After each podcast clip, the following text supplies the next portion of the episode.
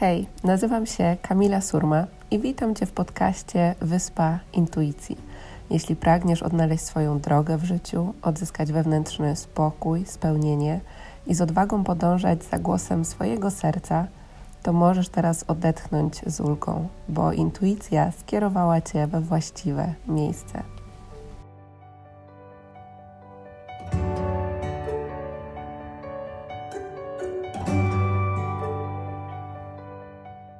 Cześć kochani, witam Was w kolejnym odcinku podcastu Wyspa Intuicji. Moją gościnią dzisiaj jest e, Justyna Świetlicka, która jest dietetyczką, która pomaga kobietom zmieniać e, nawyki żywieniowe i budować pewność siebie. E, natomiast to, co też mnie tak najbardziej urzekło w Justynie, o czym na pewno będziemy sobie dzisiaj rozmawiać, to jest też taka inspiracja do życia mm, na swoich zasadach, na swoich warunkach, w zgodzie z głosem intuicji, wychodząc poza te znane nam schematy, e, więc e, no, czuję ogromną ekscytację na naszą rozmowę, więc e, witam Cię bardzo serdecznie i cieszę się, że możemy dzisiaj się tutaj spotkać. Cześć, ja też witam Ciebie i Twoich słuchaczy, Twoje słuchaczki. Nie wiem, o czym będziemy rozmawiać, ale intuicja mi podpowiedziała, żeby przyjąć zaproszenie do Twojego podcastu. Bardzo się cieszę, to już się pięknie zapowiada. Chciałabym zacząć od jednego z Twoich marzeń. E, marzeń, o których pisałaś pod e, jednym ze swoich postów, które um, nawiązywało do tego, że Twoim marzeniem jest to, żeby wszystkie kobiety znały, miały wysokie poczucie własnej wartości, żeby były pewne siebie, żeby akceptowały swoje ciało, żeby nie musiały jeść takiego też poziomu strachu czy poczucia winy. I bardzo, bardzo naprawdę mocno to ze mną zarezonowało i jestem ciekawa, w ogóle, skąd takie marzenie, jak, jak ono do ciebie przyszło, bo pewnie z jakąś też historią i drogą twoją się to wiąże. Mhm. Ja zaczynałam, hmm, nie wiem, w sumie pewnie od, od dziecka miałam dosyć niskie poczucie własnej wartości, miałam mało pewności siebie.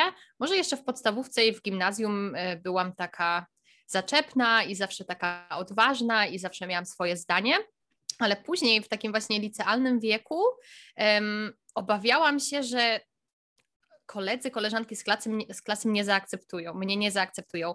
Ja jestem dziewczyną ze wsi, z takiej naprawdę małej, małej wsi e, i mm, podstawówkę i gimnazjum e, miałam w, w okolicy, ale mm, pójście do liceum wiązało się z zmianą miasta i totalną zmianą otoczenia. I ja wtedy pierwszy raz taką miałam myśl, że kurczę, ja mam trochę więcej kilogramów, e, jestem ze wsi, może nie będę pasowała do, do tej reszty osób, i wtedy pojawiły się u mnie takie myśli, że może ja nie jestem wystarczająco dobra, żeby ktoś mnie polubił.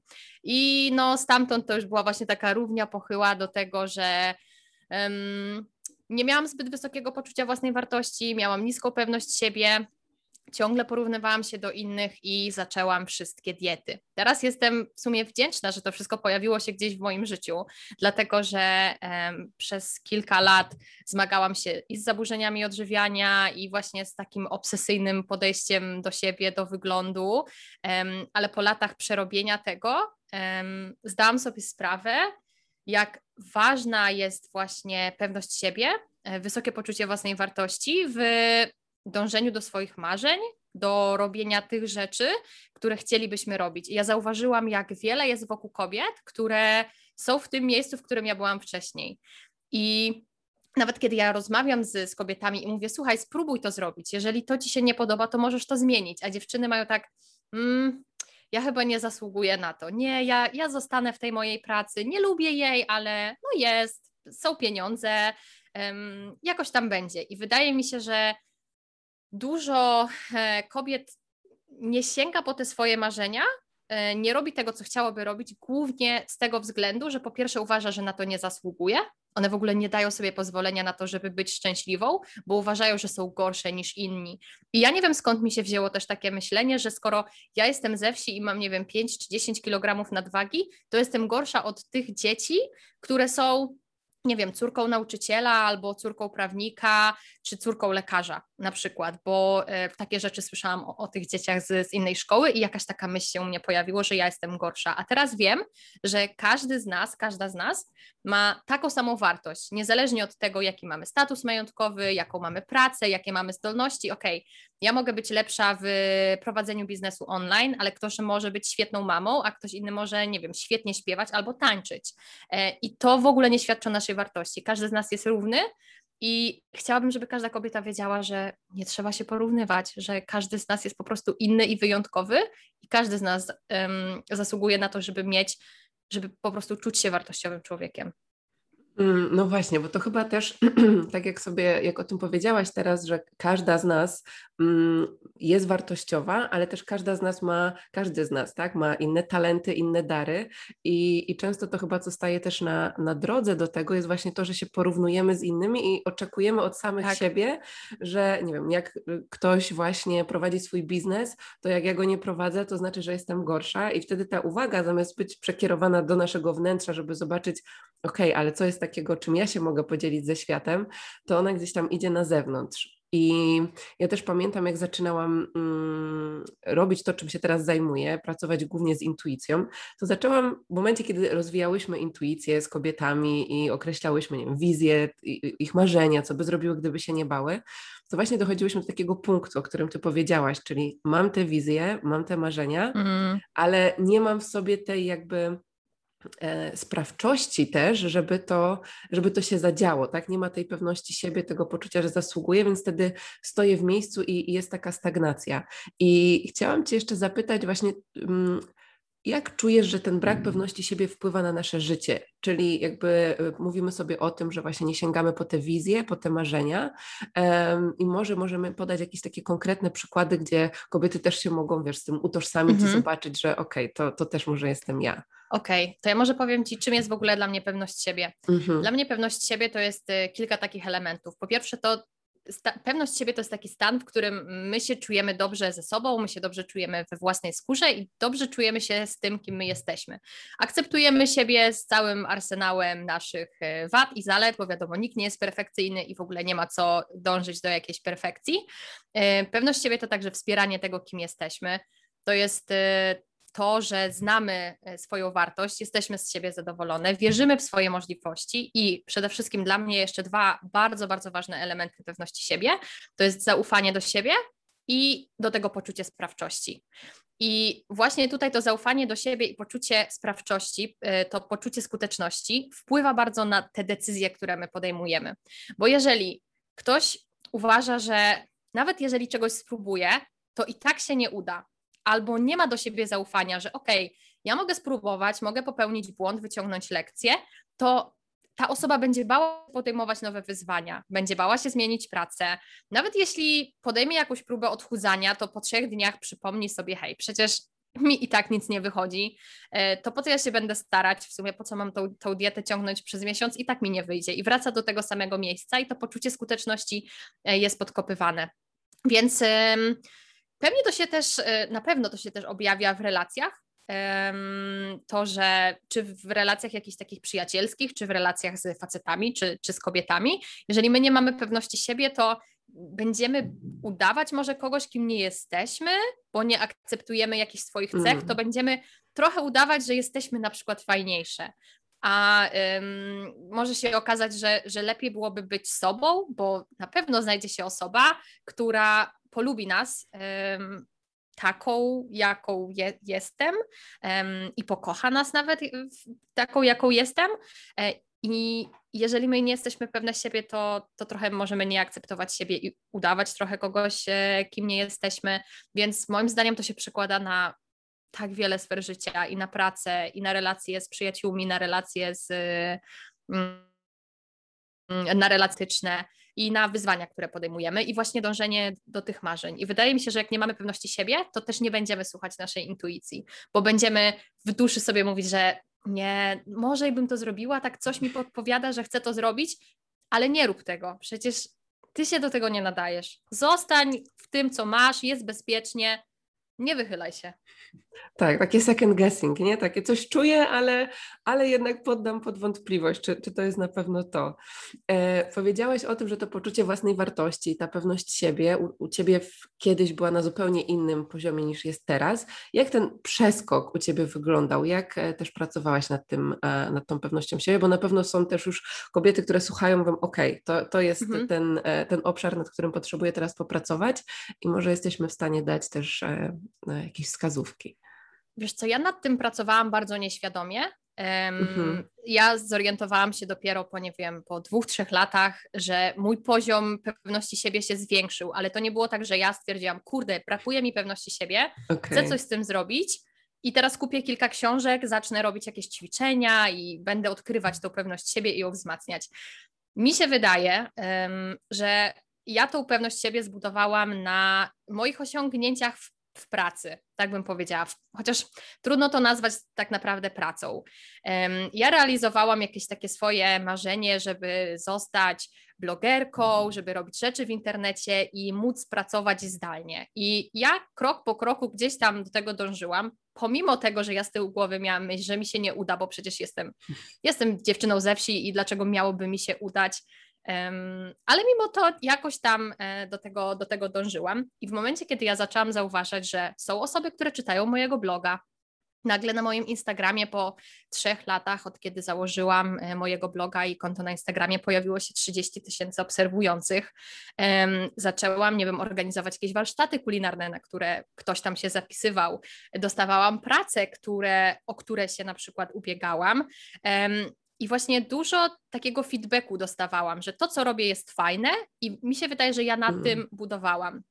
Um, ja też uważam, że warto zacząć budować pewność siebie od takich małych sukcesów, żeby po pierwsze zrozumieć, że my jesteśmy wartościowe i my. Um, i dać sobie takie pozwolenie na popełnianie, na popełnianie błędów, żeby stwierdzić, OK, to ja, um, dobra, marzę o tym, żeby, nie wiem, być podróżniczką i, i, utrzymywać się z własnego biznesu, ale to jest tak wielki cel i tak bardzo odległy, więc zaczęłabym od czegoś małego, że może założę konto na Instagramie pomimo tego, że, że się boję i wyznaczyć sobie jakieś takie małe cele i zauważać te sukcesy. I ja na bazie tych małych sukcesów, które osiągałam i tego feedbacku, zbudowałam taką pewność siebie, że to, to jest fajne to, co robię i że inni ludzie mnie akceptują taką, jaka jestem, to dlaczego ja się nie akceptuję i zaczęłam się zastanawiać w ogóle skąd um, te moje wątpliwości, jeżeli chodzi o to, o to co, ja, co ja robię. I zaczęłam być um, zadowolona z siebie. I inna rzecz um, to to, że zaczęłam robić coraz większe rzeczy. Dla mnie to były większe rzeczy, dla kogoś to w ogóle mogą być małe rzeczy, czyli założyłam firmę pomimo tego, że bardzo się bałam, wydałam pierwszego e-booka, pomimo tego, że bardzo się bałam. Później wydałam sama książkę i zaczynałam robić coraz większe kroki, i w międzyczasie słuchałam dużo innych osób, e, które dzieliło się swoimi historiami. Na przykład, nie wiem, Ole Budzyńską, panie, panią swojego czasu, Michała Szafręskiego. Pamiętam, że on e, miał taką fajną e, metaforę rozwoju jako właśnie skakanie na, na trampolinach, że na początku właśnie mamy taką małą trampolinę i skaczemy na tej małej, a później jak już nauczymy się skakać na tej małej, to możemy przeskoczyć na tą większą, mm. aż później zaczniemy robić naprawdę wielkie rzeczy. I um, ja też uważam, że fajnie jest uczyć się od innych, ale i, i, porównywać się do innych, ale nie tak, że kurczę, on ma lepiej, jemu się udało, tylko sprawdzać, jakie kto zastosował strategię i jak on doszedł do tego miejsca. Nie wiem, czytałam wpisy Michała, jak wydać własną książkę i stwierdziłam, kurde, skoro on wydał własną książkę, no dobra, może nie sprzedam 100 tysięcy egzemplarzy tak jak on, ale nawet jak sprzedam tysiąc, no to hej, sama ją wydałam, książka się zwróciła, a ja mam teraz książkę i, i e, to mi pokazało, że jeżeli ja tylko podejmę wysiłek, i włożę w to pracę i dam sobie pozwolenie na popełnianie błędów i wyciąganie wniosków, to mi wychodzi. I na tej bazie ja budowałam takie poczucie skuteczności, zaufanie do siebie, plus ten pozytywny feedback. I nagle po, po tych dwóch, trzech latach działania w internecie zdam sobie sprawę, że, że jestem po prostu pewniejsza siebie.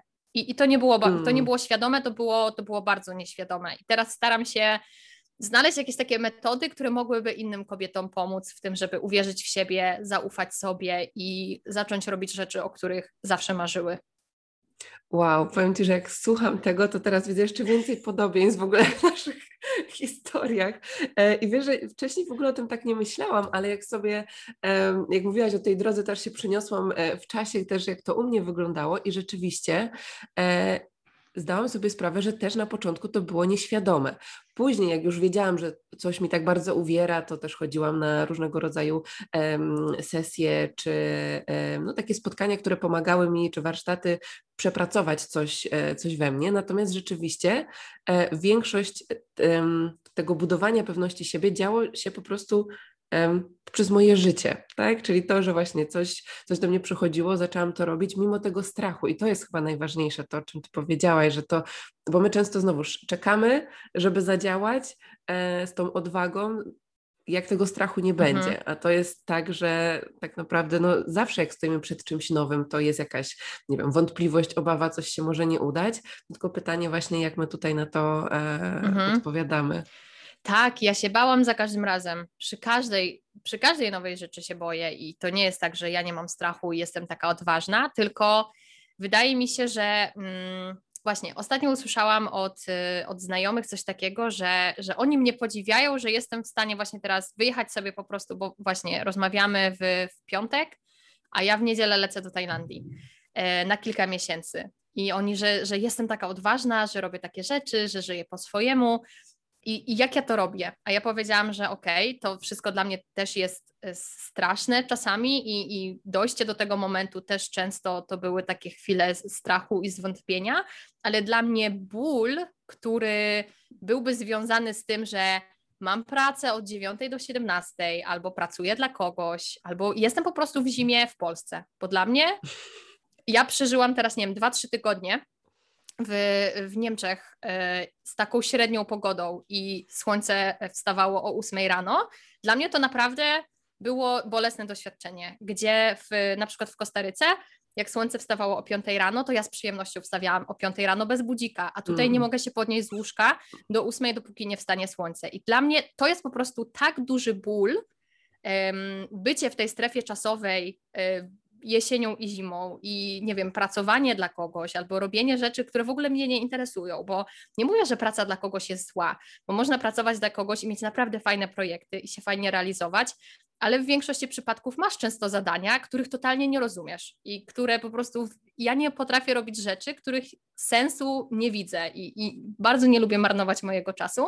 Więc właśnie ból związany z tym, że miałabym to przeżywać, jest o wiele większy niż ten strach. Więc ja już wolę po prostu zacisnąć zęby, zamknąć oczy i zrobić coś, i później się okazuje, hej, dałam radę. I jeżeli my przejdziemy przez ten, przez ten krok i, i damy radę, to znowu dokładamy kolejną cegiełkę do, do pewności siebie. To jest piękna perspektywa tego, że właśnie to, o czym powiedziałaś, że ten ból tego, że będziemy tkwić w miejscu, które mm -hmm. wiemy głęboko, że no nie jest w zgodzie z nami, że tak naprawdę um, no on dużo bardziej na nas wpływa niż ten strach przed tym, przed tym co nowe. E, I też czuję, że właśnie nawet dzielenie się takimi historiami to jakby daje nam tą taką iskierkę tego, że, e, tak. tego, że mogę zadziałać w inny sposób. E, ból mieszkania zimą w Polsce też znam, więc też mnie zmotywował do tego, żeby, żeby uciec. I wiem, że też i, i to jest jakby super, że bo to jest takie wyjście znowuż poza, poza bardzo wiele schematów, tego, że ja mogę, nawet nie muszę mieć jednego miejsca e, na świecie i wiem, że też to o tym e, mhm. dużo mówisz e, i też będę chciała o to zapytać, tylko właśnie po prostu, nie wiem, czy płynę za tą intuicją, czy odpowiadam na to takie pragnienie, które jest we mnie teraz. no właśnie, jak podejmujesz takie decyzje odnośnie też mieszkania, domu, bo jakby tutaj ja mam bardzo też, w sumie ostatni czas u mnie, e, to jest taki czas, gdzie ja co dwa miesiące jestem gdzieś, gdzieś indziej. Trochę Madera, trochę Majorka, trochę Polska. Teraz w przyszłym tygodniu e, znowuż lecę dalej. E, właśnie Gdzie na Kostarykę. Na Kostarykę właśnie. No co ty? tak. Przygotuj Także... dużo pieniędzy. Właśnie słuchałam, słuchałam podcastu i tak stwierdziłam, że dobra, to zostanę tam. Akurat robię mm, kurs nauczycielski jogi, mówię później może gdzieś bardziej w stronę Azji. Wiesz co, um, może nawet Nikaragua, wiesz? Możesz się przenieść do Nikaragu- okay. Nikaragui z Kostaryki, bo y, no, Kostarykę, to jednak ja się nie spodziewałam, że tam będzie aż tak drogo, mm. um, ale też to zależy od poziomu życia, jaki chcemy mieć, um, a ja nie lubię tutaj kompromisów pod tym względem i dlatego no, w Azji tak. to będzie, nie wiem, jedna trzecia, jedna czwarta tego, co jakby ten sam standard mm. życia, ale zupełnie inne pieniądze, więc e, sprawdź sobie Nikaraguę, dlatego że tam o, było przepięknie. Tylko ym, no to jest jednak rozwijający się kraj, więc y, tak. z internetem i z prądem czasami może być, y, może być różnie, ale, ale sprawdź sobie, bo ja byłam zaskoczona i, i było tam przepięknie. Ale dobra, bo zrobiłam o, dygresję. No to cudownie, że może ktoś też miał to usłyszeć, może nie tylko, nie tylko ja. E, I chciałam Cię właśnie zapytać, jak też organizujesz sobie w ogóle, wiesz, życie tak naprawdę i co, um, będąc w, w tych podróżach, tak, i um, jak też podejmujesz te decyzje o tym, gdzie jest ten kolejny kierunek, jaką rolę też pełni w tym intuicja? Takie złożone pytanie, ale... Okej, okay, lubię to, to pytanie o, o to, jak podejmuję decyzje, e, bo ja mam taki powiedziałabym taki, taki gut feeling, czyli decyzje podejmowane na bazie tego, co mi tak trochę podpowiada ciało, Wiadomo, że ciało do nas nie mówi, ale jakiś taki mamy głos z tyłu y, w głowie. I ja y, prowadzę ten styl życia od, no w sumie tak naprawdę od niedawna, bo od powiedzmy, nie wiem, marca, od początku pandemii w sumie, nie wiem, kwiecień, e, maj. Pamiętam, jak zaczęła się w sumie ta pandemia i, i wszyscy mega panikowali. A ja wtedy pracowałam nad projektem razem z moimi wspólniczkami Magdą e, Hajkiewicz i Wiolą e, Urban. Ja wtedy totalnie skupiłam się na pracy, odcięłam się od informacji, od wiadomości i dla mnie najważniejsze było to, żeby skończyć kurs, e, który przygotowywałyśmy dla dietetyków, dowieść go i później będę się martwić. I pamiętam, jak 1 kwietnia słuchałam podcastu Marcina Iwucia, który powiedział, no bo my nie wiemy w sumie, ile ta pandemia potrwa. I ja pomyślałam sobie, kurde, stary, ty masz rację. My nie mamy pojęcia. Nam mówią, że za miesiąc już wszystko będzie normalnie tak. i za miesiąc wszystko się otworzy. Ja mówię, nie, ja czuję, że to potrwa dłużej. Ja się wyprowadzam z Poznania. I um, ja miałam miesięczny okres wypowiedzenia mieszkania, bo ja nie posiadam mieszkania, wynajmowałam mieszkanie. I um, zadzwoniłam od razu, jak zastopowałam w ogóle ten podcast, nawet nie dosłuchałam do końca, tylko zadzwoniłam od razu do, do właściciela mieszkania, powiedziałam, Chciałabym się wyprowadzić e, na koniec miesiąca. Wiem, że jest 1 kwietnia i powinnam zadzwonić wczoraj, ale czy, czy mogę się nadal wyprowadzić? Oni powiedzieli spoko, więc ja mój projekt do, dokończyłam. Um, spakowałam wszystkie rzeczy do samochodu i stwierdziłam, dobra, nie wiem co będzie dalej, zabieram rzeczy, wyprowadzam się do moich rodziców, bo nie było sensu żyć w mieście, dlatego że siłownie były zamknięte, restauracje i wszystkie te benefity, które dawały nam miasto, zniknęły. To ja stwierdziłam, to ja nie chcę tutaj być mm -hmm. i nie mhm. zastanawiałam, to właśnie była szybkość decyzji, wow. którą podjęłam. Mm -hmm. Nie czekałam tydzień, nie zastanawiałam się, ha, może jednak otworzą, może poczekam, co będą mówić politycy.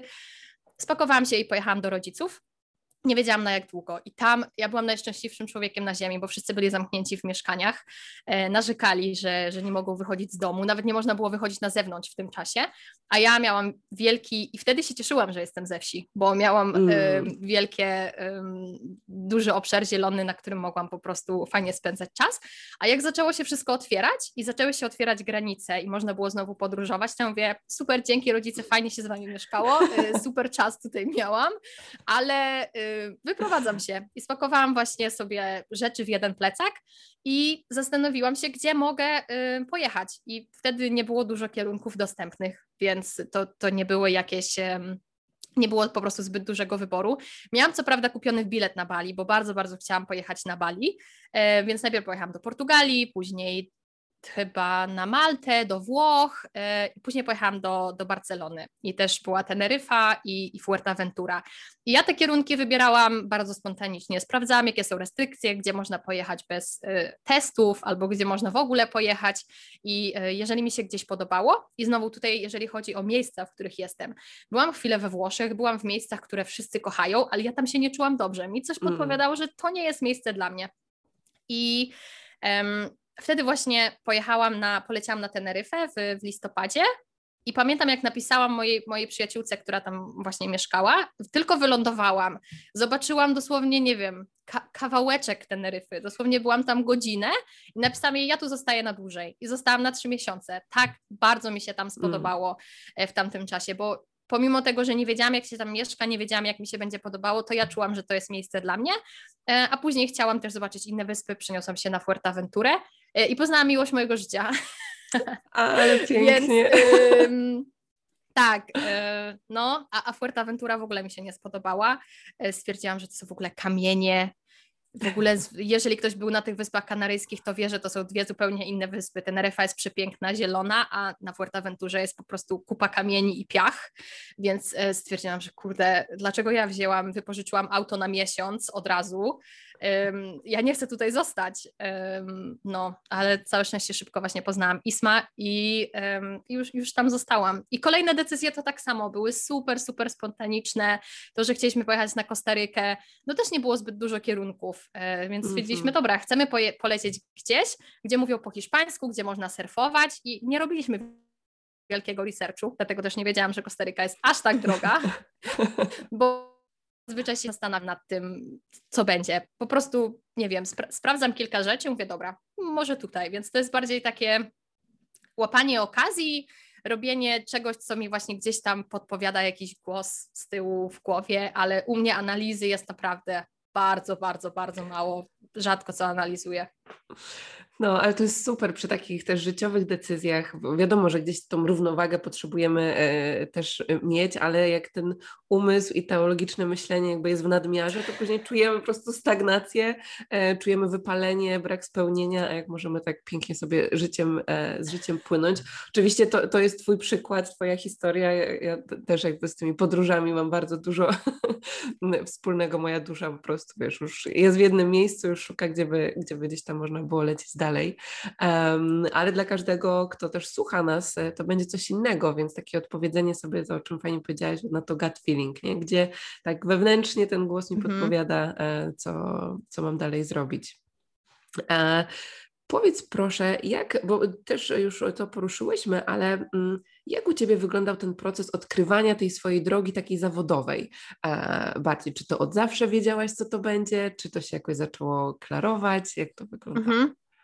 E, znowu nie byłam zadowolona z tego, że przeszłam przez te całe zaburzenia odżywiania i byłam zła, że nie wiedziałam od rodziców, nie dowiedziałam się, że bezy tłuczą na przykład, a y, też się nie dowiedziałam od innych osób, że żeby schudnąć skutecznie, to trzeba po prostu zdrowiej jeść i więcej się ruszać i nie trzeba wcale przechodzić na te wszystkie diety cud, więc byłam zła, że przez to wszystko musiałam przejść, ale z drugiej strony w liceum zainteresowałam się wtedy zdrowym odżywianiem i dietetyką. Poszłam e, do liceum z taką myślą, że chcę pójść na prawo, bo zawsze chciałam mieć dobrze płatną pracę, wyrwać się ze wsi, ale pod koniec liceum, właśnie znowu, już wtedy słuchałam się trochę mojej intuicji, e, podpowiedziało mi coś, że nie, to prawo to nie jest dla ciebie, spróbuj tej dietetyki, pomimo tego, że no, to, to nie był jakiś taki wybór wtedy um, bardzo popularny.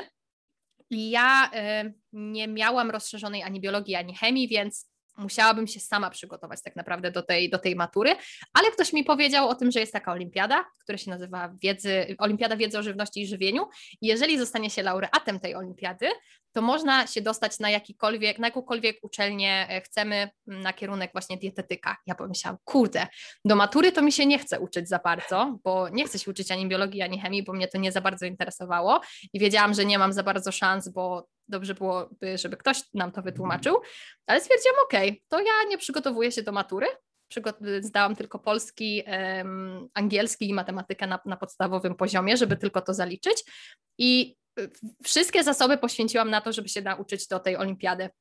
I przygotowywałam mhm. się rok, um, stawiając wszystko na jedną kartę, bo gdybym mhm. nie została laureatką tej olimpiady, no to na żadne studia bym chyba nie poszła.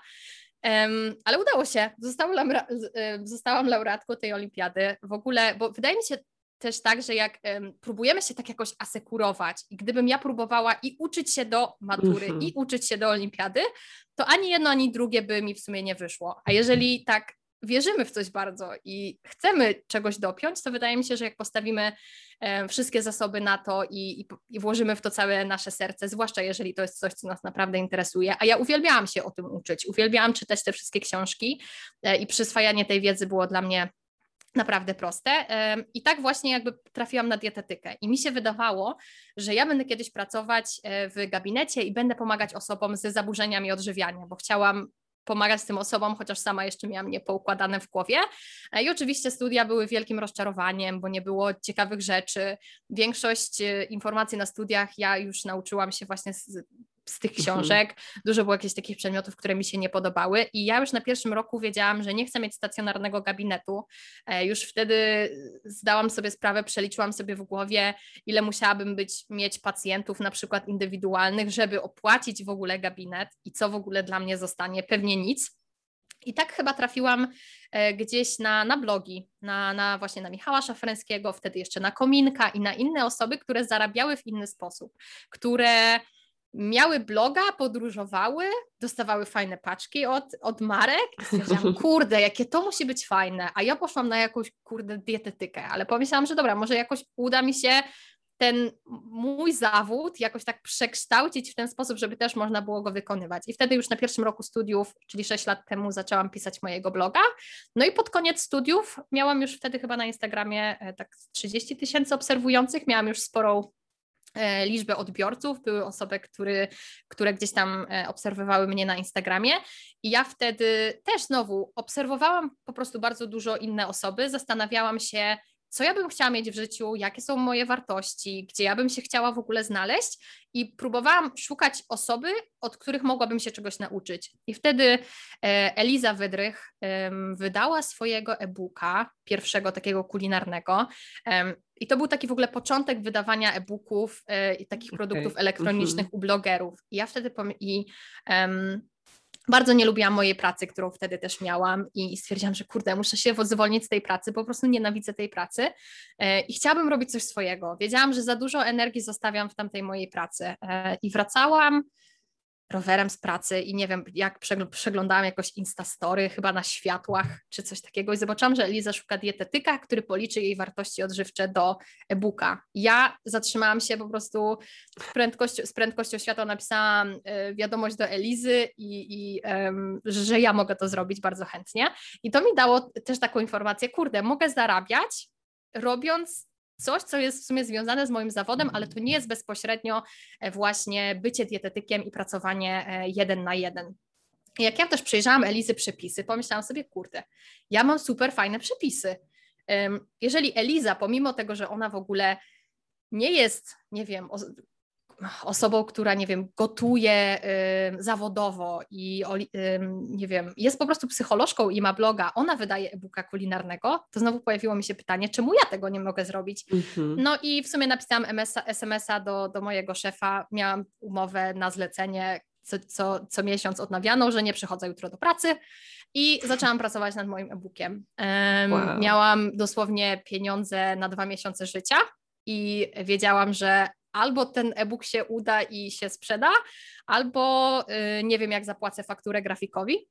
Więc wtedy to też znowu było postawienie bardzo wszystkiego na jedną kartę, ale znowu mi to pokazało, że jak ja zrezygnowałam z tej pracy, to odzyskałam tak dużo wolnego czasu i tak dużo zasobów, że ja mogłam w tym czasie zrobić wszystkie zdjęcia, przygotować wszystkie przepisy i po dwóch miesiącach ja miałam e, gotowego e-booka z przepisami i, i wtedy zaczęłam go sprzedawać, wtedy założyłam firmę i ja naprawdę byłam to był chyba taki najstraszniejszy moment w moim życiu. Ja nie mogłam mm. spać, ja byłam obsrana ze strachu, że nikt tego po prostu nie kupi, a miałam zapłacić mojej graficzce, nie wiem, 3000, były tam jakieś dodatkowe koszty i to były 4000 kosztów, których ja w ogóle, ja nie miałam tych pieniędzy, okay. więc wiedziałam, że jak to się nie sprzeda, to będę musiała wyjechać, nie wiem, do Niemiec na ogórki na przykład, nie? więc ym, dlatego no, nie dziwię się, że się bałam, nie? bo było duże ryzyko, tak. ale znowu zaryzykowałam i ym, okazało się, że 800 osób kupiło e-booka, więc wow. mogłam zapłacić e, mojej graficzce tego samego dnia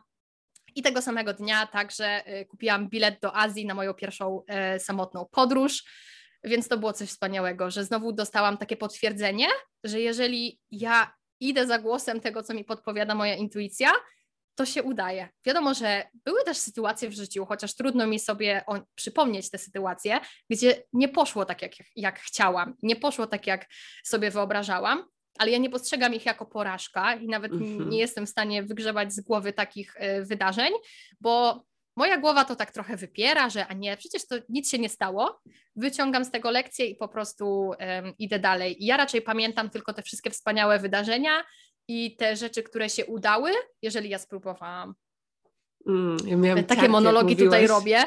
Ale pięknie, ja się zasłuchałam, słuchaj, miałam ciarki po prostu, jak mówiłaś o tym um, właśnie stawianiu też na jedną kartę, bo um, jakby mówimy sobie często o tym, że dobrze jest mieć na przykład być na etacie i zacząć nad czymś sobie tam pracować i oczywiście jakby każdy z nas ja też działa inaczej. Też. Uważam, tak, że tak. Y, wiele osób potrzebuje tego poczucia bezpieczeństwa i tak. o wiele mądrzej jest y, odłożyć jakąś poduszkę finansową i nie wiem, nawet mieć cztery piąte etatu albo jedną drugą etatu i wtedy rozwijać swój biznes na boku. Tylko, że ja to też robiłam, bo ja mhm. rozwijałam moją markę y, przez trzy lata y, studiów mm. i przez trzy lata, ja też pracowałam, tak. więc jakby ja markę rozwijałam na boku, więc tak, postawiłam wszystko na jedną kartę, ale to nie było też tak, że ja się zwolniłam z pracy i zaczęłam pisać bloga. Ja już mm. miałam społeczność, tylko zwolniłam się z pracy, żeby mieć czas na to, żeby zrobić y, zdjęcia, więc wiadomo, fajnie jest stawiać rzeczy na jedną kartę, ale jeżeli ktoś potrzebuje tego poczucia bezpieczeństwa, to tak jak ty mówisz, dobrze jest to rozwijać też na boku.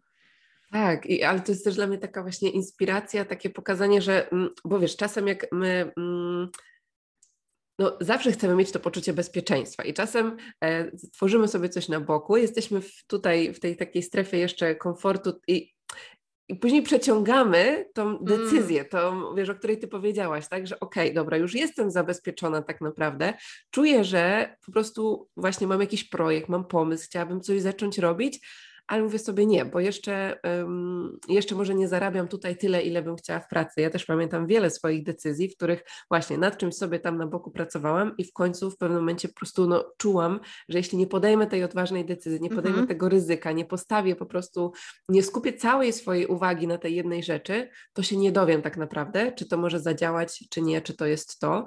Um, no bo ta mhm. energia była rzeczywiście um, rozłożona. Okay. A miałaś tak, że właśnie masz taki przykład z życia, że coś właśnie przeciągałaś za długo i teraz z perspektywy czasu widzisz, że lepiej było powiedzieć, kurde, mogłaś Kamila wcześniej e, podjąć tą, podjąć tą decyzję i wcześniej zaryzykować.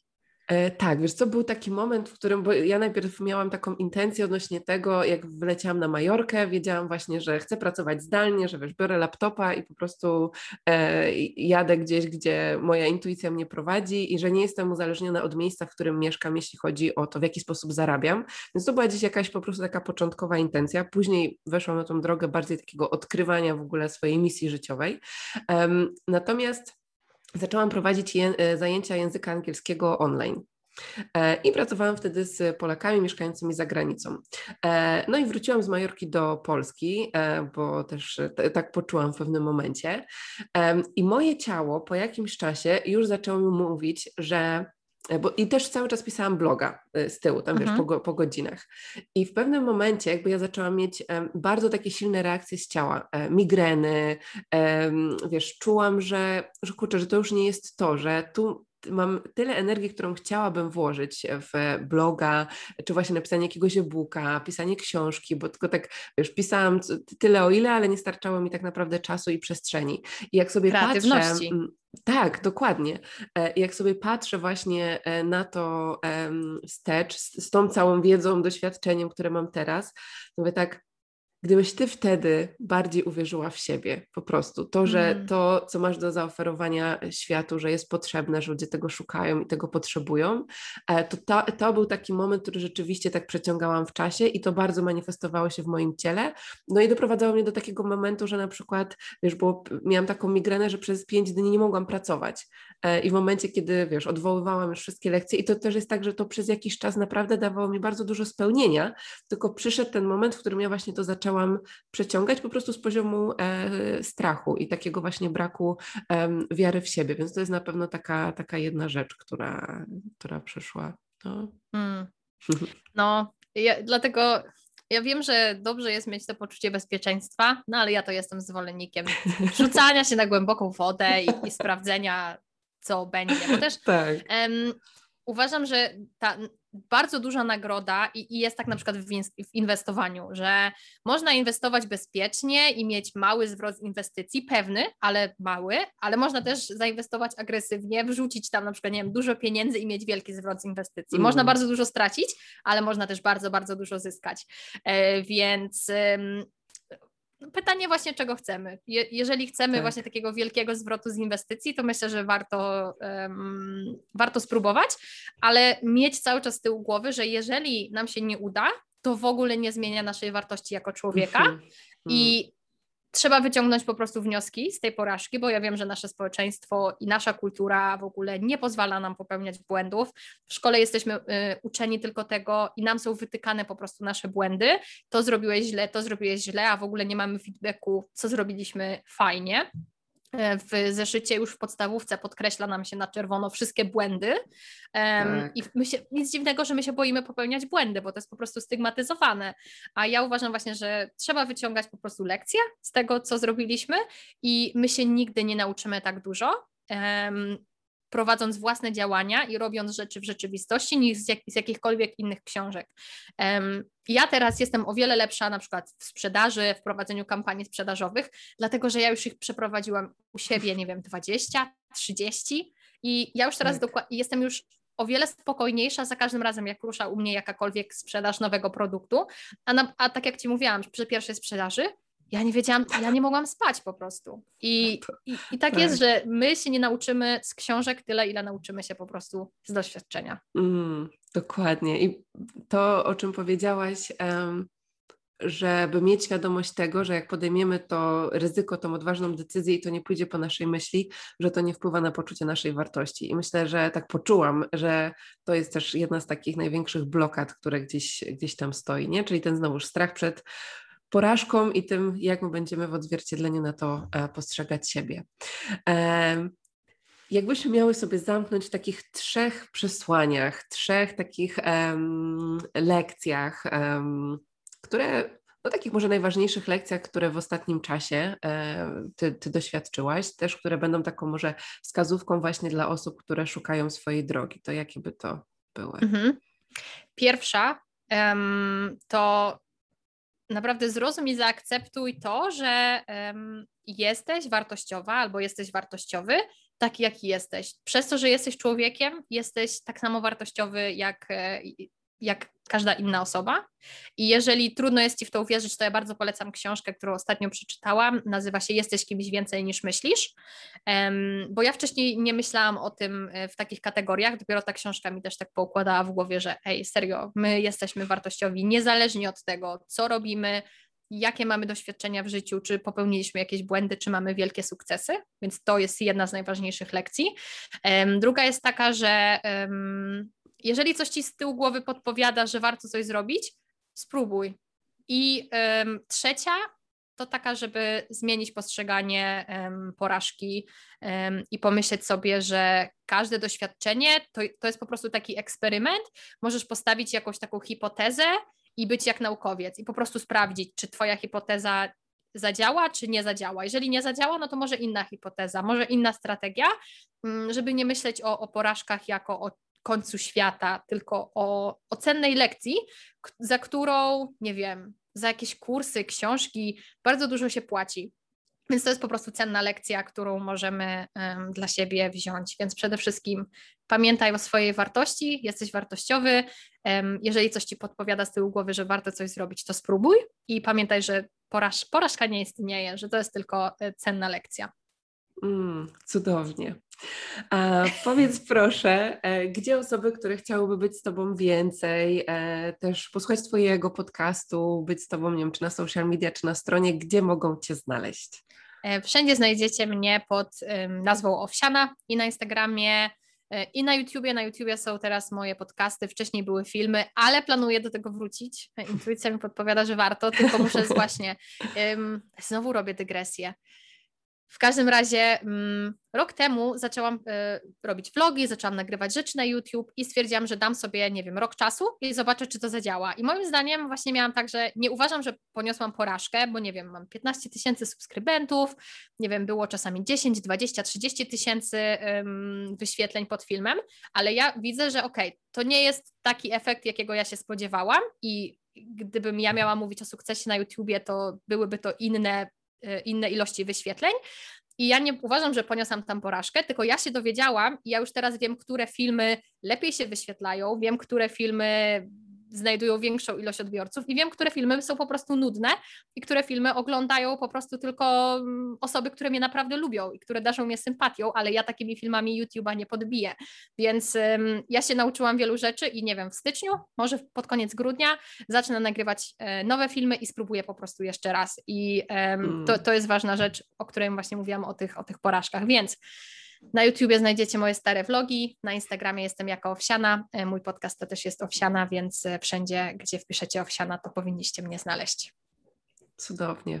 Dziękuję Ci pięknie za tą rozmowę, za mnóstwo inspiracji. Ja po prostu czuję, no znowuż, mnóstwo ekscytacji. Tak jak czułam przed, to po naszej rozmowie czuję jeszcze, e, jeszcze więcej. Także zapraszamy osoby, które będą nas tutaj oglądały, słuchały, e, żeby dać znać w komentarzu, co z Wami zarezonowało, co jest może tą rzeczą, która do Was przyszła, że zadziałacie w, w tym kierunku, więc do tego Was e, zapraszamy. No a Tobie jeszcze raz dziękuję z całego serca. Dziękuję Ci na maksa za zaproszenie do tego podcastu podcastu. Bardzo fajnie mi się z Tobą rozmawiało. E, już dawno nie byłam gościnią żadnego podcastu, to ja zazwyczaj robię wywiady i tak e, przypomniałam sobie, jak szybko mija czas, kiedy opowiadasz tak. jakieś historie, które Cię ekscytują, nie? Bo e, jak ja sama robię wywiady, to tak kontroluję czas, staram się być mega, mega skupiona, ale teraz nagle się zorientowałam, że już minął mój czas antenowy i już nic nie mogę więcej powiedzieć.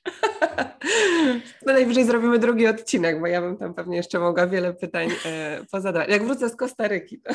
O, super. Trzymam kciuki. E, muszę właśnie zaobserwować Cię na Instagramie i e, zobaczyć, e, zobaczyć, jak Ci się wiedzie na Kostaryce i gdzie później Cię poniesie. Także no, mega dziękuję Ci za zaproszenie. Ciekawa. Dziękuję Ci pięknie.